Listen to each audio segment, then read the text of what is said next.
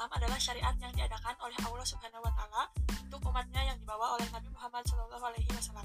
Baik hukum yang berhubungan dengan akidah atau keyakinan maupun hukum-hukum yang berhubungan dengan amaliyah atau amalan.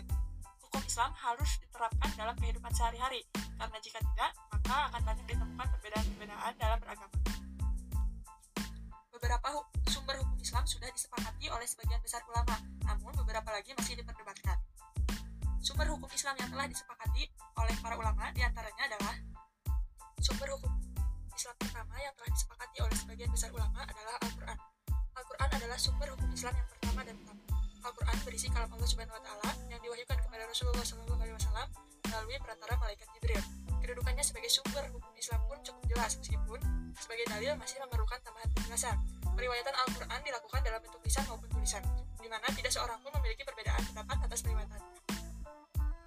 kedua ada Al-Sunnah dan Al-Hadis. Sebagaimana Al-Quran, Sunnah Rasulullah SAW juga berkedudukan sebagai sumber hukum Islam. Karena Sunnah Rasulullah SAW mengandung norma hukum yang juga dibesarkan pada hukum syara. Sunnah juga dikenal dengan Al-Hadis, di mana kedudukannya sebagai sumber hukum berfungsi untuk memberi keterangan, menguat, mentaksis, keumuman, dan membuat hukum baru yang ketentuannya tidak terdapat dalam Al-Quran. Hukum dalam Al-Hadis ini ditetapkan oleh Rasulullah SAW melalui petunjuk dari Allah Subhanahu Wa Taala dan juga ijtihad. Yang ketiga adalah ijma.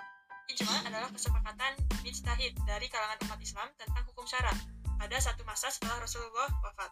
Menurut Abu Jahrah, para ulama sepakat bahwa ijma sah dijadikan sebagai dalil hukum.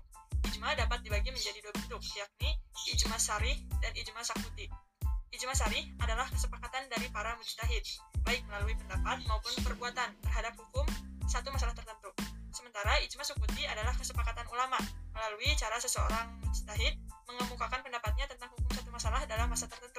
Kemudian, pendapat tersebut tersebar luas dan diketahui orang banyak. Yang keempat adalah kias. Kias menjadi sumber hukum Islam yang disepakati oleh mayoritas ulama. Kias adalah bentuk dari hukum sistematis yang diambil dengan mengeluarkan suatu hukum yang serupa dari hukum yang telah ditetapkan oleh Al-Quran dan Sunnah. Kias menduduki posisi terakhir sumber hukum Islam yang disepakati oleh mayoritas ulama karena kias lebih lemah daripada ijma. Sumber hukum Islam yang masih diperdebatkan ada delapan.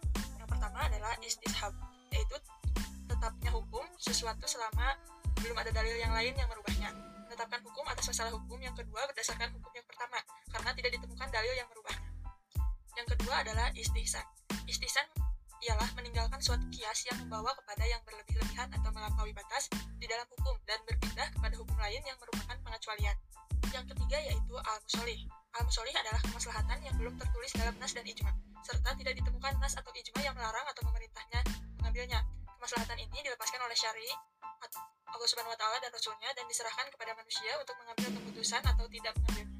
Yang keempat adalah al-urf, merupakan kebiasaan mayoritas manusia yang telah berulang-ulang dan berlaku terus-menerus dalam masyarakat, yang berkonotasi ma'ruf baik universal maupun lokal, yang mengikat mereka yang terdiri dari perkataan dan perbuatan,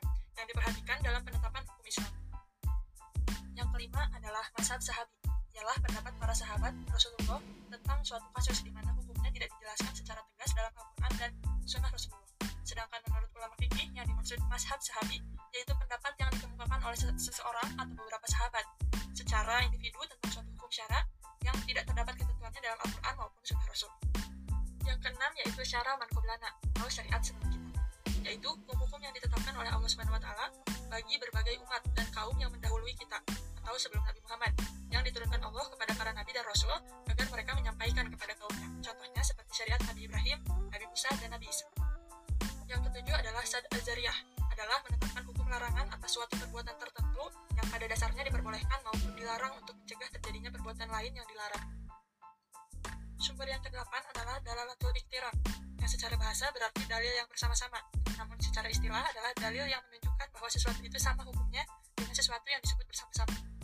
Sebagai penutup, saya mengutip hadis dari Abu Dawud, Tirmizi, dan Ibnu Majah. Sungguh, para malaikat merendahkan sayapnya sebagai kerinduan kepada penuntut ilmu. Orang yang berilmu akan dimintai ampunan oleh penduduk langit dan bumi, bahkan hingga ikan yang ada di dasar laut.